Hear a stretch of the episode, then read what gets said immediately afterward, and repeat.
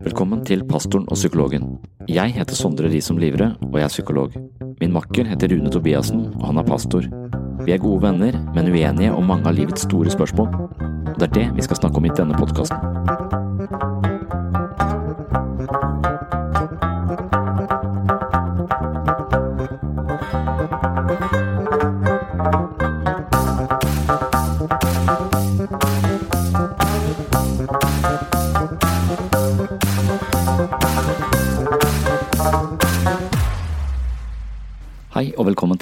Episode av Pastoren og psykologen.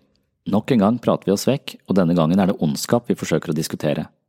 Sondre forstår ikke hvorfor Gud ikke lot døren til Auschwitz stå på gløtt, slik at fangene kunne stukket av, mens Rune forklarer at menneskets frie vilje gir muligheten for ondskap. Sondre mener at det er mer ondskap enn nødvendig i verden, og Rune er helt enig, men kanskje er det slik at Gud bruker smerte og lidelse som en slags megafon for å vekke mennesket og skape bevissthet? Som vanlig er vi uenige, men vi klarer å holde den emosjonelle temperaturen under rimelig kontroll. Vel møtt til en ny episode av Pastoren og psykologen.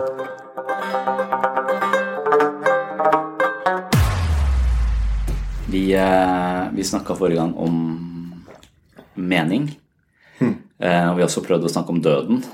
Men der tror jeg kanskje jeg har unngått litt, for jeg synes det er litt eh, Så vi har alltid sklidd ut, i hvert fall. Ja. Velger livet heller. Vi velger, vi velger livet. Jeg velger livet fremfor Jeg tviholder på, på livet. Og så, og så jeg jo, prøver jeg å nærme meg døden for å komme på en måte og forsone meg med døden. Eh, Men det uh, syns jeg ligger langt unna foreløpig. Så er det dette med at Per Fugli ikke klarte det likevel. Altså, nå er han død, og, og sønnen hans sier han er bare livredd for å dø, og det skuffa meg. Da ble jeg jo Ja. så for Han så jeg på som denne kloke mannen som hadde forsonet seg med sin egen dødelighet. Eh, Så viser det at han var ganske stressa for det likevel. da. Det er veldig interessant. Ja, Men jeg tenker jo litt sånn at hvis du først får en mening Hvis det fins et liv etter døden, Mm. så får livet før døden en mening. For meg så er det vanskeligere å tenke at det fins Mm. en mening hvis ikke jeg ser at det også er noe etterpå. For det er liksom litt sånn Ja. utilfredsstillende, bare dette livet fra Mm. Ja. Mm. Jeg ser ikke, helt mening av det. Så derfor så henger det også sammen. Mening henger jo sammen med døden, for min del. Når det fins et liv etter døden, så får dette livet en mening. Så kan du gjerne stille spørsmålet i Vesten i dag, i Norge. Fins det et liv før døden? Ja, fins det et liv før døden, ja? Det er Ja. veldig vanlig å tenke, vanlig å tenke fins et liv etter døden, men Ja. fins et liv før døden? ja.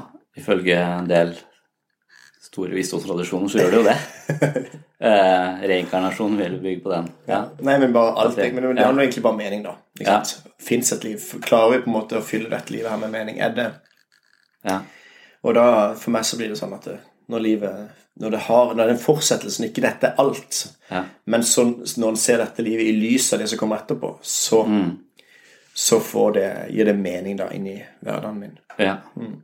ja. Men Og så, Vi snakket før vi begynte å ta opp noe om, uh, om at jeg hadde vært uh, Jeg var og snakket med Eller holdt et foredrag for Human-Etisk Forbund om uh, dette med lykke. Mm. Ja, eller egentlig også meningen med ja, hva, hva er mening? Og, og jeg tenker vel kanskje at disse eksistensfilosofene, sånn type Sartre og de der eh, Mm. franske, tyske, har, har hele tiden eh, messet om at eh, du er dømt til å skape mening i eget liv. Så, så mening er ikke noe som ligger der i forkant. Mening er noe vi tillegger eh, livet, på sett og vis. Eller lykke er også noe vi tillegger, eh, tillegger livet vårt, i en eller annen forstand. Ja, det er en, Ja. en definisjon av mening, ikke sant? Bare på en måte som gir mening, og på en måte tillegger mening, osv. Mm. Men, men jeg vil jo også argumentere for at det fins en grunnleggende mening. Ja, du, du vil Men si det- det. Jeg, jeg vil tenke at det, det nettopp ikke er sånn. da. At, at vi, vi er dømt til å, å tilskrive dette livet uh, mening. Og det er der sisofysmyten kanskje vi ruller denne steinen opp, og så ruller den nedover. Men vi må på en måte kose oss på veien, og så se på utsikten på toppen. Så ruller den ned den, så begynner på nytt. Og så Ja. det er eh, Det, That's it, på en måte. Så det klarer ikke jeg å komme, falle til ro med. Nei. Det, Og det er jo på en måte det kose på veien vil jo være et valg en gjør fordi at ikke det fins en mening, så må en skape og tillegge mening. Mm. Fordi at livet er meningsløst. ja. Men eh, det er jo jeg veldig uenig i, for at jeg kjenner at det, da klarer ikke jeg å gjøre det. Jeg er nødt til å ha den grunnleggende meninga som gjør at eh, Mm.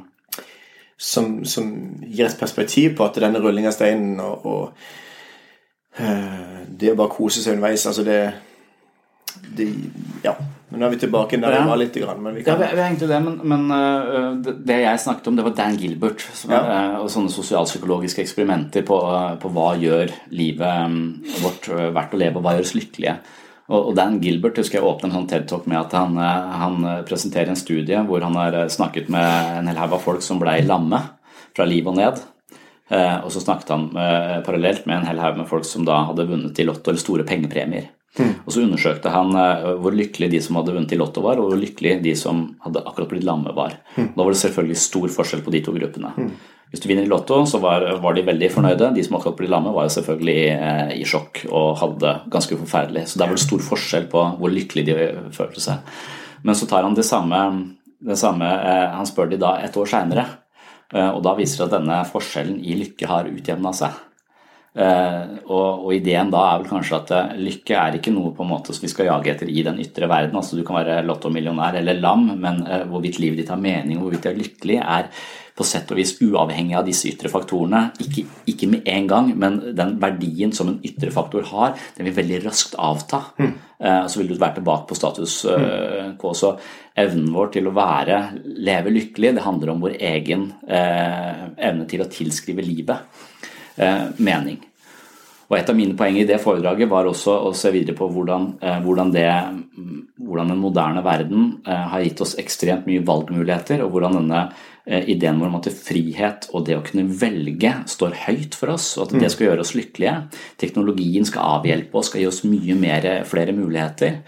Eh, Og så er det da en del andre studier som antyder at det, det har funket mot sin hensikt, nærmest. Altså at veldig mange valgmuligheter har gjort meg mer eh, tvilende og gitt meg mer angst. Og Kirkegård sier jo, som for så vidt er en ganske kristen filosof, sier jo at eh, angst er sekundene før vi tar et valg.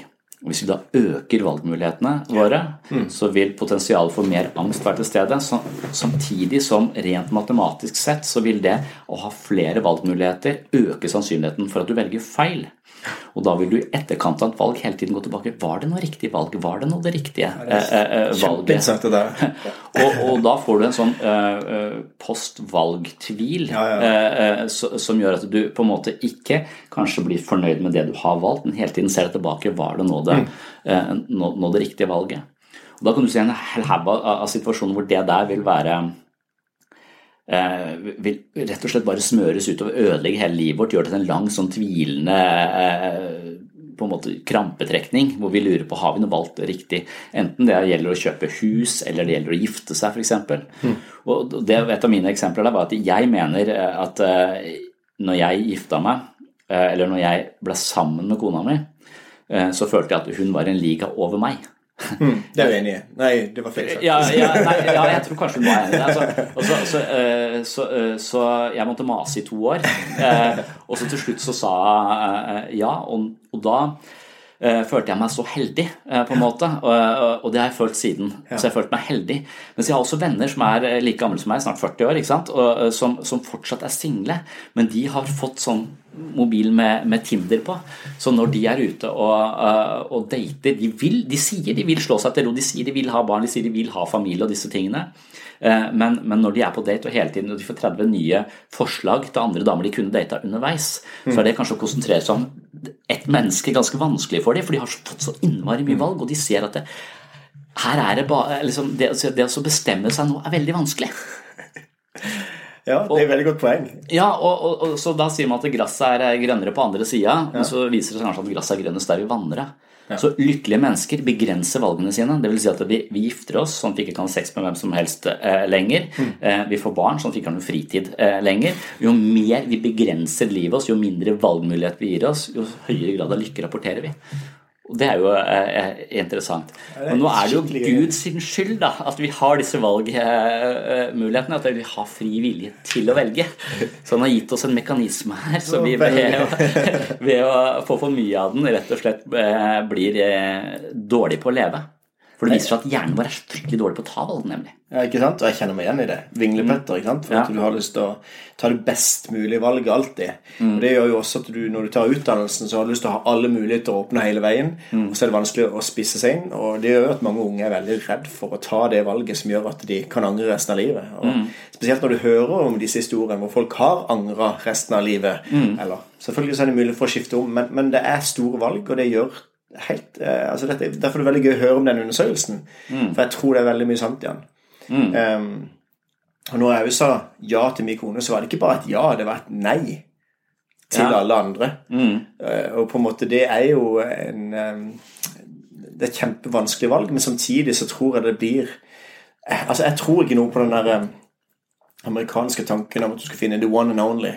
Nei. Eh, Men jeg tror det at du blir den eneste rette når du velger og den personen du vil gifte deg med. Eh, Så sånn sett syns jeg det er kult å kunne bruke som et argument der, at det er valget en tar. Ja, så du, du, ja for da, da ser du som et eh, argument for litt sånn konservative verdier eh, i forhold til jeg, ekteskap ser, og jeg sånn. ser det er det du bygger opp til å fortelle om. Ja, ja, ja, men jeg- Eller du prøvde å gi Gud skylda, du. Men jeg prøver liksom å si at dette er jo det som er konservative verdier. Ja, ja.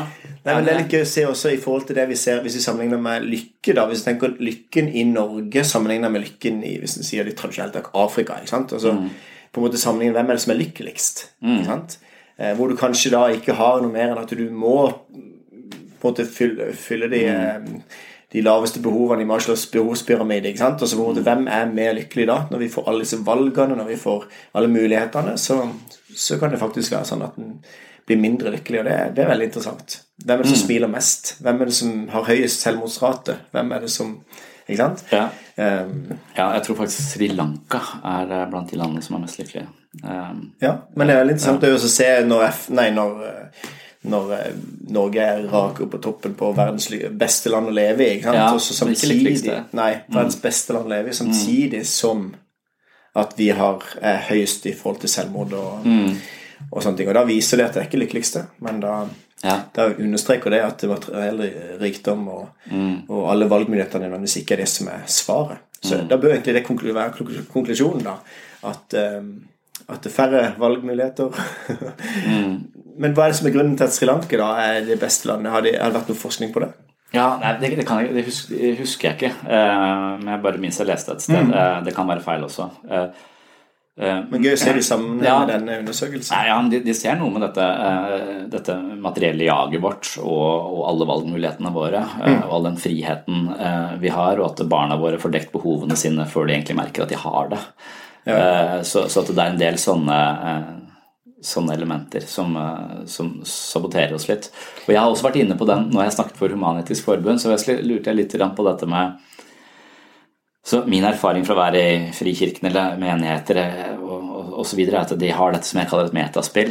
At de har disse samtalene som handler om Som har en mer sånn åndelig fasong, nærmest. da, Eller en litt sånn introspektiv fasong også. Hva er det som foregår inni, eh, inn, inni oss? Og at de har en arena for å, for å snakke om de litt dypere tingene. Ja. Men Human-Etisk Forbund kanskje da dette mangler det, og det vil jeg da kalle et metaspill. Litt sånn som Sokrates eh, sier, jeg husker ikke eh, at vi ikke skammer oss hvorfor vi er så opptatt av gods og gull, istedenfor å på en måte kultivere vårt indre liv. Det er her alle opplevelsene våre starter. Det er måten vi tolker hele verden på, som farger hele livet vårt. Det er Freud sin idé også. ikke sant? Eh, Freud mener jo at alt du opplever er filtrert via nevrosene dine. Ok. Eh, Så, så så lenge du ikke er opptatt av nevrosene dine, så vil du få de samme opplevelsene av livet. Og hvis de da er nedslående, depressive og fulle av angst, så er det noe med fortolkningens apparatet her. Så vi må på en måte gå innover.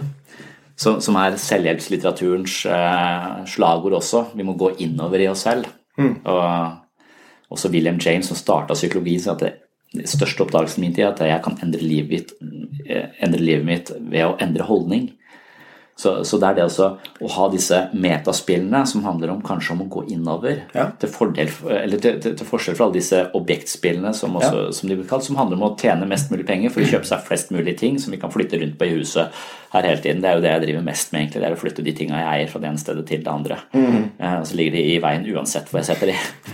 de har jo for mange ting. Ja. Eh, og for et eh, motbydelig problem. Ikke sant? Men det er jo interessant å se da i forhold til det du sa med lykkenivå for en som er lam, sammenlignet med en som vinner i Lotto. Og hvor vi bare ser at dette er totalt forskjellig utgangspunkt osv. Og, så og så ser en etter et år at eh, det har stabilisert seg, det utjevner seg. Det er veldig fort gjort å tenke at når en sammenligner seg Det opplever vi kanskje i forbindelse med ondskap òg. Lidelse. At det er noen som får alt. Det er på en måte Ja. noen som Ja. opplever det ene etter andre sykdommen. De opplever å bli mistet det ene og det andre i materielle ting og mennesker rundt seg. Eh, og så er det noen som tilsynelatende går fri. Ja. Ikke sant? Som på en måte de, de bare cruiser gjennom livet. Ja. Og så hvis en da hadde sammenligning av de to også, så tror jeg ikke nødvendigvis at det er sånn at, eh, at en eh, er så mye mer eh, trist eller så mye mer nedstemt når en har opplevd mange ting. For jeg tror det vil jevne seg ut, det også. Men det handler om hvordan en på en måte eh, innretter seg, eller går inn og bearbeider de tingene som en opplever. Mye mer enn hva en opplever. Mm. Så at en liten ting kan på en måte få en person til å velte hvis ikke en bearbeider det på riktig måte. Sammenlignet med store ting. Hvis en, Er det ikke noe der? Jo, det tror jeg helt, helt sikkert. Og det er også en av de grunnene som jeg, jeg har liksom skrevet om religion og sånn, og, og, og hørt om denne rettferdige guden Mm. Uh, og, og når vi har hatt noen av de bibelgruppene vi skulle be og så videre, så har jeg tenkt at eh, jeg vil ikke be. Eh, for at hvis han først får øye på meg, på en måte, eh, og ser hvor heldig jeg er, og det skal være rettferdig, så kommer ikke det til å slå veldig heldig ut for mitt vedkommende, Nei. tenker jeg. Nei, altså, hvorfor i huleste skal jeg ha det uh, uh, Derfor bør det ligge lavt. Ikke snakk, ikke snakk til ham. Det er det jeg tenker. Det er bedre å være litt stille. Litt sånn som jeg tenker på foreldremøter når de skal ha Eller bare sånn der Ligge litt lavt. Nå har jeg det greit. Ikke gjør for mye ut av uh, uh, Da blir du valgt. Da, da blir du valgt, liksom. Hvis, jeg, hvis jeg blir synlig. Ja, han der, ja. Han driver jo og å ja. prate for seg. Jeg fikk velge han. Ja, eller, eller Gud plutselig. Han har hatt det forferdelig greit hele veien her nå. Ja. Eh, Nei, men jeg ser den. Så jeg skjønner strategien din. Du bør ikke nevne ordet Gud, da. For dette Nei. hører han jo. Ja, nei, nettopp det. Det er det som er med banning òg. Jeg tenker Hvis Ja. du nevner ordet Gud, så, Ja. så henvender du det til han. ikke sant? Og så er ikke det vits hvis ikke du skal ha noe med han å gjøre. Men hvis du nevner Gud, så, hen, så ser han på deg. Så du må bare la være å si, bare si pip hver gang du har tenkt å si Gud. Du, det var en undersøkelse som viste at de som eh, eh, banner mye, er mer ærlige. Ja, riktig. Kristenbanning gjelder det? Hvordan er det? Nei, det er sånn eh, hellemyr istedenfor. Oh, ja, sånn, ja. Okay. Ja, nei, det, jeg tror jeg vet ikke. og sånn. Ja, jeg vet ikke. Men, men jeg har også tenkt at det er en del av min personlighet som jeg kanskje liksom eh, prøver å døye litt. Men jeg eh, underviser på UiA og til, og, og jeg får ikke så veldig mange tilbakemeldinger. Jeg tror folk syns det er stort sett greit, men når universitetet har ringt meg for å, for å fortelle om noe som jeg trenger å vite, så har det vært kun én gang, og da sa de at du banner for mye. Eh, Det var, noen som, ja, det var noen som hadde kommet med en tilbakemelding på, da. Ja. Eh, eh, og, og da, da tenkte jeg litt på det og ble litt sur, egentlig. Og, så, og, og da, gangen etter så nevnte jeg det for dere. Liksom, ja, ja, det er noen her som jeg eh, banner for mye. Det betyr at i dag så skal jeg, må jeg hele tiden være bevisst hva jeg sier. Dere får en mye dårligere variant av meg. Og jeg er egentlig kastrert overfor dere nå. Og i dag skal vi ha om kastrasjonsangst og Freud, så dette passer bra. Fantastisk innledning. Så, ja, så det er, det er litt uh, så Alle bare- på hverandre sånn. Hvem er det som har angitt? Ja, men uh, ja. Det, det er jo en avsporing, men, men det er noe vi, det med, med, med rettferdigheten og den, urett, den himmelropende urettferdigheten uh, som, som kanskje kan lede oss inn på dette med ondskapen. For, eh, fordi at eh, jeg er så heldig eh, når jeg ser rundt meg Ja. i, i, i verden, så, så virker det dårlig planlagt, i Ja. beste fall. Det virker også impotent, selvfølgelig, og hva heter det? Teodyse Nei, teodyse, teodyse-problemet. Altså hvordan, hvordan kan det være Kjell Gunnes mye vondt i verden. Ja. Og, og, og en, en ting er at jeg har det bra, andre har det dårlig, men, men bare det faktum at det dør eh, Jeg vet ikke hvor mange barn, altså ti barn hver time omtrent, så før vi er nesten fullført disse setningene, så har eh, mange uskyldige barn dødd. Det er en ting med de, men, eh, men så har de jo etterlatte, de har foreldre, de har eh, det er, sånn, det er så forferdelig mye ondskap eh, i verden. Jeg hørte akkurat eh, en, en podkast som handler om en, en fyr jeg husker ikke, Det er en posisjon som mener at eh, livet rett og slett er så smertefullt for mennesker generelt at eh, det beste for oss hadde vært å dø ut. Ja. Eh, fordi at det, i, I forhold til hvor mye glede og velvære vi har, så er eh, smerten så mye mye større, tar så mye mye større plass i menneskelivet. Selv i vårt liv. Altså, vi er deprimerte og nedstemte selv om vi har dritmye. Mm. Dette som vi innleda med må, må, snakke om. Mm. Så, så, hvordan, eh, hvordan vi, vi, er rett og slett satt inn i en verden med så mye eh, smerte. Mm. Og noen sånne, tror jeg nevnte forrige gang også, noen av disse eh, kunstig intelligens-teoretikerne mener at hvis vi får en kunstig intelligens som er like smart som oss og bare overgår oss, mm. så vil de etter hvert, og, og, de har vårt eh, beste som målsetting Vi vet jo ikke hva slags motivasjon de har. Kanskje de vil plage oss eller sette oss i dyreparken, det vet vi ikke. Men hvis de på en måte er der for å gjøre det beste for mennesket, så kan det være de også regner ut at vet du, det er så mye smerte uh, ved å være menneske, så det er bedre for de å få slippe. Ja. ja. Nei, men Det er veldig interessant. og det er sånn sett Hvis du da tenker den kunstige intelligensen som du innleder med nå, som vil på en måte se det at det er bedre for de å la de slippe mm. Jeg tenker da En som er høyere intelligens, da, som jeg tenker er Gud, da, mm. som på en måte kan se ned på oss og tenke at det, det, er bedre at de slipper. Ikke sant? Ja. Altså bare da få lov til å dø. Det er det beste ja. for dem. Men ja. poenget, hva er grunnen til at vi går rundt her? Hva er det som gjør at uh, Eh, at Gud da ikke en stopp, setter en stopper på den ondskapen akkurat nå. Mm. Eh, og det er et viktig punkt, for hvis du er litt sånn redd for at Gud skal ta den rettferdigheten akkurat nå i livet og fordele det utover, så derfor så mm. ligger du litt lavt i terrenget, eh, så er jeg enig med deg hvis Gud skulle ta den, den rettferdigheten akkurat nå. Mm. For da ville det på en måte Men men eh, hvis den rettferdigheten vil komme en gang i framtida, at det er en grunn til at ikke den rettferdigheten skjer, eller rettferdighetsfordelinga skjer akkurat nå, eh, fordi at faktisk Gud har skapt en selvstendig verden. Hvis Gud hadde på en måte da en tanke om at han ikke ønska å ha maskiner, eller som gjerne kunne være programmert til å være mye mer intellektuelt og ta bedre valg enn det du og meg kan gjøre. Mm. Men forskjellen er at denne intelligente roboten er programmert på forhånd til å ta alle disse beregningene. Hvor det da ikke er en frihet på den måten at ikke de har mulighet for å, å, å ta valg som går på en måte imot Gud. da. Hvis det da er frihet, hvis det er skapt som et fritt vesen, skapt faktisk i Guds bilde, skapt lik Gud, som kan skape kreative ting, men også som er fri til å velge sjøl. Selv. selv om jeg ikke vet sjøl hva som er best for meg, så har jeg friheten til å velge. Mm. Og så går egentlig livet ut på og finne ut av hva det egentlig er som er de beste valgene. Og hvis da jeg finner ut av dette livet, som jeg snakka litt om sist gang, at jeg tror mm. meningen med livet er å oppgi rettighetene til seg sjøl. Mm. Oppgi rettighetene til at det er min, mitt. Ja. Jeg tror det handler om å, å, å faktisk se det at det, det, handler om noe mye større. Det handler om at jeg legger ned mitt eget liv og lever livet for noe større enn meg sjøl.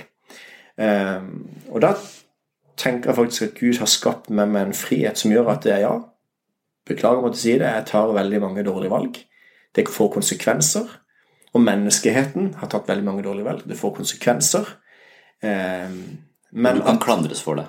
Hva sa du? Og du kan klandres for ja, det. Ja, jeg kan klandres for det. Jeg må stå ansvarlig. Så kan du selvfølgelig gå inn på å vurdere om at eh, hvis noen har fått sånn og sånn og, og bakgrunn og gjør at det på en måte de tar, har en helt annen forutsetning for å ta gode valg enn det jeg har, mm. så kommer rettferdigheten inn i bildet.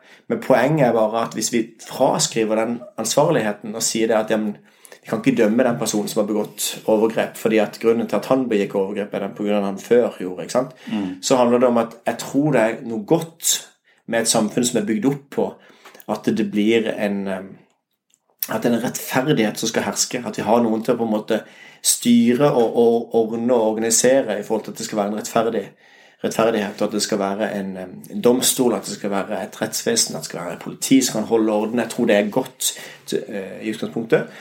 Uh, og sånn tenker jeg også om at, at uh, vi da tar ansvar for de valg vi gjør. Um, men når jeg da er fri og kan velge, så vil jo det også innebære at jeg kan velge noe annet enn Gud. For hvis ikke så ville det ikke vært noe frivillig. Du kan velge mellom Gud og Gud. Det er jo ikke sant? Alternativet til Gud, hva er det? Det er hvor Gud ikke er. Det er hvor Gud trekker seg tilbake igjen og så sier ikke sant? Eller på en annen måte, da tillater slangen å komme inn i det perfekte paradis. Mm. Som blir en symbolsk måte å fortelle at det, Gud har tillatt det onde å komme inn i verden for at det skal være en reell valgmulighet. Treet sto der i hagen. Hvorfor vil de ikke bare ta det vekk? Vil de ikke bare sage det ned med en motorsag kjapt for Gud? Bare, så er det vekke, så slipper noen å ta dårlige valg. Mm. Men kunnskapens tre var der. Mennesket fikk en mulighet til å ta det valget. Og det gjelder alle mennesker hele veien. Vi har mulighet til å ta det valget, spise kunnskapstre, velge bort, velge bort Gud. Og da er det onde blitt en del av denne verden. Og Gud ville det. For at det skulle være en reell valgmulighet til Gud. Men det onde er en del av verden, helt til Gud sier at det er nå. Knuser ondskapen. Ta vekk det onde, og, og mennesker kan få lov til, de som vil, da, være sammen med Gud. Ja, jeg, jeg forstår eh, for På en måte så er det ondes problem det, de gir kanskje et av de beste argumentene for Gud. Ja, for meg er det det. Men de gir også et av de beste argumentene mot Gud. Ja. Syns jeg, fordi at det, det er en ting han, Jeg mener at det, hvis, han, hvis han er allmektig og kan intervenere i livets gang, eh, så, så, så har han all mulighet til å eh, å lette en del lidelse som ikke hadde trengt å være uten å egentlig krenke vår frie vilje. Han kunne f.eks. satt han, ja, han kunne gitt alle alle fangevokterne i Auschwitz, Auschwitz eh, omgangssyke mm. samtidig, sånn at alle fangene klarte å stikke av eller satt døra på gløtt. Han hadde ikke trengt å uh, krenke vår frie vilje, han hadde bare trengt å legge til rette, mm. sånn at det ble litt um, litt ja. mindre lidelse for uskyldige mennesker. Ja, men da handler det jo om at han griper inn og får den rettferdigheten nå. Men hvis den rettferdigheten på en måte den endelige dommen, da ikke sant? Så nå gjør han ingenting? Nå er han bare liksom Nei. satt i gang, og så har han trukket seg tilbake? Ja, det handler om deisme. Ja. En sånn deistisk tankegang at Gud har skapt og trukket seg tilbake, og så vil det mm. en gang framtida være en ja. Men, du tror han intervenerer underveis også? Ja, det tror jeg. Og den interveneringa vil jeg kalle f.eks. bønn og samspillet mellom Gud og mennesker. Og dette at vi er Guds medarbeidere. Mm. Men bare for å holde litt til det så, så vil jo egentlig en teodicé, eller det ondes problem, da, vil jo egentlig være at eh, Som Epikur sier det, da, på 300-tallet før Kristus, så handler det om at hvis Gud er allmektig, så kan han utrydde det onde. Hvis han er god, så vil han utrydde det onde. Siden det onde er en del av verden, mm. så kan ikke Gud være allmektig eller god. ikke sant? Dette mm. er liksom teodiceen, eller mm. det som er det vanskelige. Men, men tanken om at eh, Eller valgmuligheten til at det fremdeles vil være en gang i framtida at Gud vil ta vekk det onde, er ikke en del av det, den argumentasjonen eller den, de premissene. Hva hvis Gud har sagt det, og sier det gjennom mange steder gjennom Bibelen, at det er en framtidig hendelse. At en dag, dommens dag, en dag skal det ikke være tårer mer, ikke smerte mer, ingenting ondt for det som en gang var, er borte. Det er en sånn framtidig hendelse. Mm. Og det mener jeg at Ones problem, eller den formuleringa til Epikur annet, da, ikke tar høyde for. At det, ja, men det er jo det Gud sier at han skal gjøre. Men det er en grunn til at de kan gjøre det nå, for han vil at flest mulig mennesker skal ta det valget eh, om at de bøyer seg for Gud og, og sier at jeg, jeg, tror på det. Eh, for den skillelinja Hvis det hadde vært sånn at det onde, det er der, og det gode, det er der, så er det ikke noe problem å dele i midten og si sånn. Sånn er det. Nå velger vi det gode. Men hva når mitt, altså når den skillelinja går gjennom hjertet mitt, da? Det er både ondt og godt i meg. Da på en måte vil det Det er ikke lett å på en måte bare dele og si at det det onde der og det gode der. Eh, når på en måte skillelinja går gjennom mitt hjerte, mitt liv. Derfor, det, er jo, det kun godt i forhold til noe også. Så den dualismen må jo nødvendigvis være en, del, den er en slags iboende del av oss. Vi kan ikke forestille oss noe godt med mindre vi vet om noe ondt. Nei. eller noe lyst. Så, det er jo også et argument for å tenke at det For å kjenne varmt, så må du kjenne kaldt osv. Ja. Så det er også et argument for at vi har denne mm. som en bit av vår virkelighet nå. Men som jeg da tror at ikke, når vi da har erfart det, så tenker jeg at Gud også kan ta vekk, ta vekk ondskapen. Som er på en måte Men da vil vi jo ikke merke Ja, ja. Da vil vi jo uh, miste preferansene, nesten sagt, eller, uh, eller uh, Ja, ut ifra vår forståelse i dag. Ja. Vi, så vil det jo være mm. Vil du da på en måte kunne vite hvordan det var før, hvis Gud tar vekk ondskapen ja. osv. Mm. Eller vil det stå et kunnskapens tre igjen, som du kan alltid men, resten av evigheten. At du kan alltid ta et valg om å gå bort ifra Gud igjen. ikke sant? Mm. Apropos dette å angre. Men, men poenget er for tanken at Gud lar det være en, en mulighet til å Når han skaper den frie viljen, så er det en fantastisk ting som gjør at det har muligheten for å velge bort Gud. Derfor så, når du skaper en fri vilje, så må også ondskapen komme inn. Som er motsetninga til Gud, da, hvis du skal sette det litt sånn eh, Ja. skjematisk. Velger ikke Gud. Ok, jeg har mange, mange ting eh, Er det ikke derfor du sier det? som jeg syns er vanskelig med, med det. Um, ja, Én ting er jo det at jeg ikke tror vi har noen frivillige, uh, så- sånn sett. Uh, og at, uh, at det kanskje den frivilligen er en slags Mente du det du sa nå? illusjon Ja, eller det er i hvert fall um, I hvert fall så vil jeg lure på dette. Um, la oss si at eh, veien til eh, et evig liv, eller et liv med Gud, eller himmelriket, eller hva man, hva man skal si, er ved å tro på Jesus. Eller ved å tro på Gud. Det er jo, og, og at jeg ikke gjør det. Og at eh, Peter Singer ikke gjør det, som vi snakket om eh, eh, forrige gang.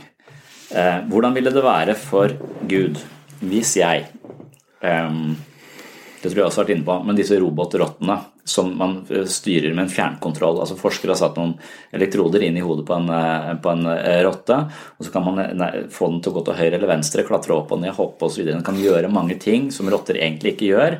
Og når den eh, gjør det, så er det ikke fordi at den føler nei, nå er jeg fjernstyrt. Damn it, liksom. Det er ikke det den holder på Den, den følger bare impulsene sine, det er de som styres der. Det er liksom behovet som manipuleres. Så rotta har faktisk lyst til det. Så hvis rotta kunne snakke, så hadde rotta sagt at eh, så Hvorfor går du opp den stigen og hopper ned, eller hvorfor går du rundt og lukter på dynamitt eller finger dabber folk i, i, i ruiner? Hvorfor holder du på med det?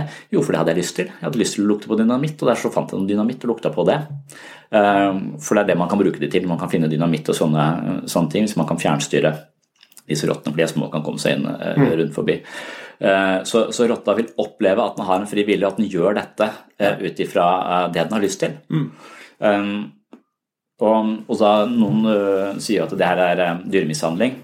Eh, forskerne sier at eh, disse rottene eh, har det bedre enn noen andre rotter. Vi gir dem sånne eh, endorfiner og alt sånt i, i huet og ræva. Hver gang de gjør noe vi vil, så får de masse sånne gode nevrokjemi som gjør at de har det kjempebra hele tida. Mye bedre enn andre, enn andre rotter. Så egentlig så mener jeg at det ikke er dyremishandling. Men de er rett og slett eh, fjernstyrte. Så de er jo forskerens nikkedukker. Og så sier jeg, men dette gjelder bare rotter, for de er så eh, enkle. Vi kan ikke gjøre dette med mennesker. Og så sier jeg eh, jo Hvorfor ikke det? Ja, man, det kan man. Eh, liksom, Man kan til viss grad. Så man kan, eh, man kan stimulere kjærlighet kunstig, man kan stimulere religiøse opplevelser eh, kunstig. Det er ofte med epilepsi og sånn, de har ofte flere av disse høydepunktsopplevelsene eller en eller annen åndelig, åndelige erfaringer. Så, så man kan rett og slett gå inn og stimulere sinne, man kan stimulere eh, sorg, man kan stimulere en del av følelsene våre. Og man kan også kanskje da på, på sett og vis eh, få oss eh, på en måte stimulere motivasjonen vår til å ville det, eller tro det, eller eh, gjøre så. Og hvis jeg da eh, eh, kunne kjøpe meg en hjelm som stimulerte hodet mitt på den måten at jeg fikk mange religiøse opplevelser, eh, og det var naturlig for meg å da eh, tro på eh, Jesus, at, at rett og slett hjernen min via en hjelm blir stimulert til å tro de riktige tingene, eh, vil jeg da være home free? Altså da er jeg det er som, da, Viljen min kan jeg kjøpe for eh, penger. Jeg kan få, lyst til å klippe plen eller eh, gi alt jeg eier til, eh, til folk som trenger det. Jeg, jeg, kan, jeg kan stimulere hodet mitt, og jeg kan føle at det er det jeg vil. Jeg, kan, jeg føler at jeg gjør det av fri vilje, selv om jeg på sett og vis vet at jeg har en hjelm på meg som har manipulert viljen min Ja. til, en viss grad. Hvis jeg har manipulert den til å tro på Gud, Ja. eh, vil det være godt nok? Da, da har jeg ikke valgt det, men, men da har jeg, og, og det er litt sånn jeg tenker at denne viljen vår, den tillegger vi litt for stor kraft. Ok, Hvorvidt vi har eller ikke har fri vilje, så tror jeg vi har mindre fri, fri vilje enn vi, vi, vi liker å tro. Ja, det kan godt være. Men blir ikke den viljen manipulert hele veien? Det Gjennom det reklamebransjen som på en måte skal manipulere oss til å tro at vi blir lykkelige til det ene eller andre, tar vi egentlig frie valg.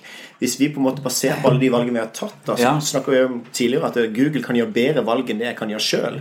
Ja. Er ikke alt manipulert hele veien? Jo. Så poenget vil være at når den frie viljen, vi snakker om den frie viljen, så vil den ikke eh, Hvis vi skal gå inn på et nøytralistisk ståsted og si at eh, nei, frivilligen er ikke fri allikevel. Alt er bare årsak-virkning. og på en måte så det er derfor jeg stilte spørsmål Mener du virkelig det. For det er det vi snakker om før her, at det er Hvis ikke vi tror at vi har en reell fri vilje til at du kan velge mellom to ting, eh, så eh, så stemmer ikke det overens med min opplevelse og erfaring. Jeg tror faktisk jeg kan ta frivillig. Og så kan du gjerne tenke at det bare er min følelse og antakelse, men, men en sånn vi kan, vi kan, ikke straffe et menneske heller for å gjøre noe galt, for det, det, er jo egentlig bare en grunn til at det handler som det gjør, sant, og Så, videre. så vi har, hvis ikke vi har fri vilje, som ikke kan begrunnes utenfra, ut fra naturvitenskapen mm. um, Og det er annet fri vilje og bevisst selvbevissthet og alle disse tingene her som gjør at at en finner på en måte at en ha noe større, et eh, meterspill. Man ha noe, noe overordna. Man ha noe som er mye større enn det som bare det naturalistiske livssyn kan tilby.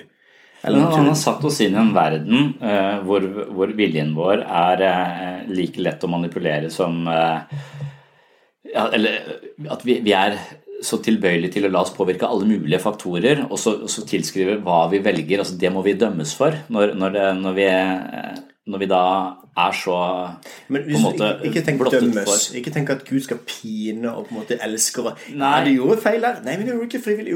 Du gjorde feil. ikke sant? Ja. Jeg skal knuse deg. Ja. Hvis du tenker sånn, har sånt bilde av Gud, så har ikke jeg det bildet av Gud i det hele tatt. Jeg tenker at, at hvis noen ønsker å legge ned sine egne valg, og på en måte sier Gud jeg tror du vet best, jeg tror du har skapt meg, jeg tror du vet best ja, men det er det valget der jeg tenker på. Altså At jeg ikke er i stand til å gjøre det valget, f.eks. Ja, men hvorfor er vi ikke det, da? Er vi manipulert til å tro at vi vet best, at vi vil sjøl være Gud? Altså bare, tenk... jeg, jeg, tror at det er en million årsaker til at jeg har problemer med å tro på, på Gud. Og det er sånn tragisk fordi jeg er så redd for å dø, så derfor så hadde det hjulpet, uh, hjulpet meg. Men jeg, en, en, årsak er at jeg, Eh, bestemoren min var eh, mer eller mindre ateist, og hun var sammen med en fyr fra Jehovas vitne. Det jeg husker best, var når han var der, hun kasta Bibelen i huet på han og blei så forbanna. Så den her konflikten der sånn mellom eh, kjæresten til bestemora mi og bestemora mi, det var jeg på en måte vokst opp i, og jeg har liksom syntes at hun var den mest fornuftige av de to. Han, så, så, det er ikke sikkert en av en million årsaker til at jeg ikke Og at jeg ikke har vokst opp i, i et veldig religiøst hjem. Sånn, ja. Så det, så, det kan jo se ut i forhold til muslimer eller andre ting som ja, ja. er født i helt andre ja. deler av verden osv. Men poenget er ikke det. Poenget er egentlig bare at hvis eh, Fra første stund så på en måte manipulerte da slangen og si 'Har Gud virkelig sagt?' på en måte, Kan du ikke spise? Hvis du spiser dette, så vil du på en måte få samme kunnskap som Gud om godt og vondt osv. Så, videre. mm. så ser vi at det var drit, for dette, det er jo ikke så veldig behagelig sånn som vi har det akkurat nå. Det har vært mye bedre å bare være lykkelig og ikke ha ikke vite forskjellen på godt og vondt. Ikke sant? Og bare ja. leve uvitenhet. Uvitenhet er jo lykke. Ja. Så på en måte litt sånn Og ikke ha disse forferdelige tvilene som vi har valgt riktig og galt. Ikke sant? Og, ja, hele tiden. Bare kose seg med alle de andre trærne i, i hagen, da.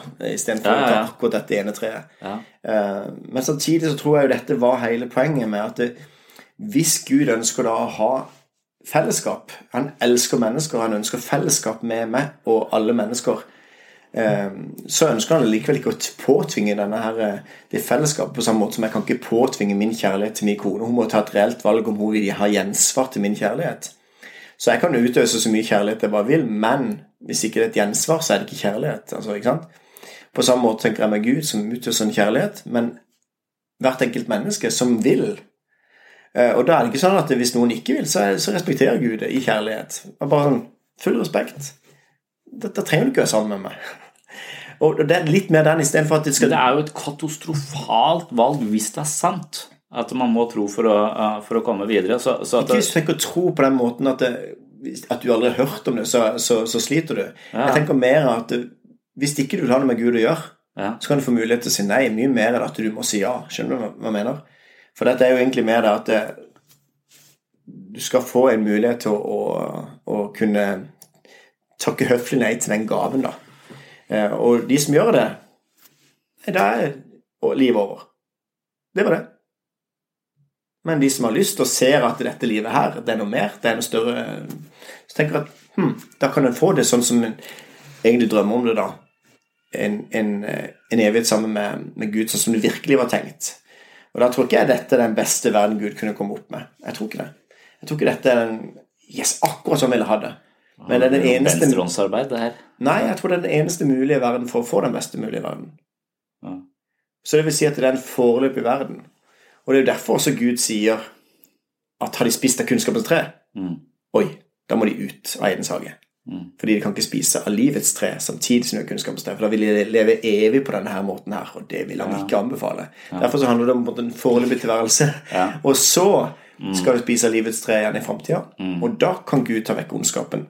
For ja. har mennesker hatt kunnskap om godt og ondt. Så dette er symbolikken som kommer jeg fra første Mosebok til siste, siste Mosebok, på å. Siste bok i Bibelen, Johannes' åpenbaring. Og så på en måte da skisserer denne mellomfasen som vi er i nå. Ok. Så, men når du snakker om det på den måten, så har du liksom abstrahert det ganske eh, høyt, syns jeg. Det, det, det blir liksom litt uh, uh, Det gir mening, og det er relativt sånn god fortelling på, uh, Ja. på en slags menneskelig bevegelse eh, her. Men, eh, men, men da må vi vekk fra f.eks. Hvis, hvis vi går til jobbsbok eller disse ja. gamle testamentsfortellingene, Ja. så, så, så, så eh, Vi tror ikke bokstavelig på de. Hvis du tenker akkurat jobb, da. Ja. Som så akkurat Der bruker det var litt gøy, da. For du Ja. sa jo det med at du, du må ikke la Gud se at du har det så godt. For da vil han jo på en måte prøve å få litt mer rettferdighet her. Ja, Akkurat sånn var det med også, det, men vi Nei. ser det. Ja, men ikke sant? Ja. Men poenget er at hvis, hvis jobb, da ja, eh, Da kommer jo Satan og sier til Gud ja, Grunnen til at han tilbyr det, er jo fordi mm. han har det så godt. ja. Det er det som er utgangspunktet for hele Jobbs bok. Mm, Han har det for godt. mm, Det er derfor han tilbyr det. mm, Og så sier Gud nei. Så la, tillater han at lidelsen kan komme inn i Jobbs sitt liv. mm, Eh, han må få tillatelse fra Satan til å på en måte få lov til å, å gripe inn. ja, Eh, og det som skjer da, er at han tar fra han ulike ting. Eh, og på meg, alle vennene sier nå må du bare forkaste den Gud, ikke sant, og så videre. mm. Men på en måte Jeg sier ikke hans- også at han har gjort noe galt, at han fortjener det. Jo, jo. Vennene på en måte sier at du er nødt til å ha gjort noe galt siden at du får Ja. dette her, ikke sant, og så videre. Men det er jo ikke det bibelske svaret. Det er jo ikke Jobb sitt svar. Det er jo ikke Gud sitt svar. Dette er tilfeldighetene som Eller den onde som kommer og rammer han med lidelse. Det er ikke Ja. noe straff. Gud straffer ikke på en måte sender, Nå sender jeg litt straff her, for han har vært stygg i det siste. Eh, så på en måte nå sender han straff. det er, vel sånn, det er helt tilfeldig. Altså, det er naturkreftene som bare herjer Ja. noe brutalt med, eh, Ja. med, med jobb. Og så syns kanskje jeg det er sånn dobbelttragisk da, at han tror at det er en, en gud som på en måte i, tillater dette Det med, det med han. at Gud har tillatt denne lidelsen som en foreløpighet. Han har tillatt at Ja, Satan en ting er at, at, det, at det på en måte det går rett i dass med alt du er glad i og alt du eier, og du sitter der i ruinen og pirker i såret med et eh, glasskår eller hva det var, og- byller og alt det der forferdelige eh, greiene. Men, men og, og en ting er at ok, det var eh, omstendighet, liksom, eh, det var uflaks, men når det da er intendert av en, Det er eh, ikke av Gud. en annen, men det er tillatt. Tillatt, ja. Det er veldig forskjell på det. Det er ikke Gud som sender det, men Gud tillater at noen, at noen andre kommer inn og, og, påfører den lidelsen. Og det som er interessant, er jo å se at hvis da livet handler om lykke, hvis meningen med livet er lykke, mest mulig opplevd lykke, så er det misforstått. Hva hvis ikke jeg tror at det er det? Hva hvis jeg tror at lidelsen er faktisk Guds megafon til å vekke en døv verden? Som C.S. Lewis formulerer det. Ja.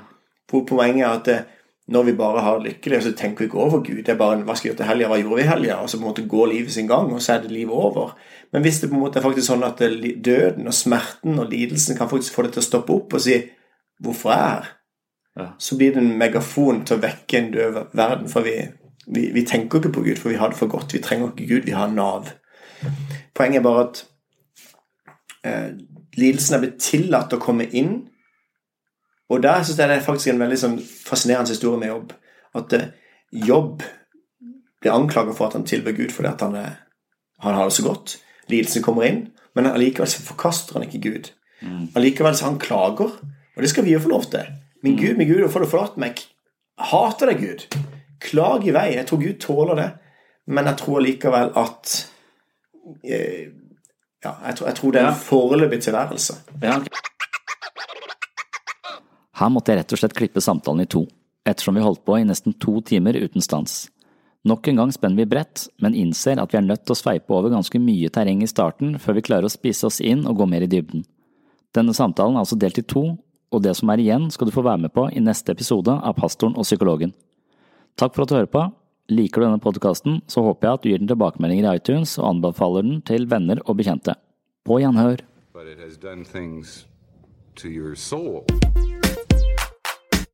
sword.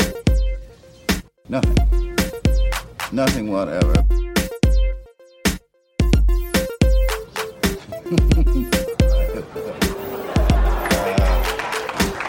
no, this is a serious question, not a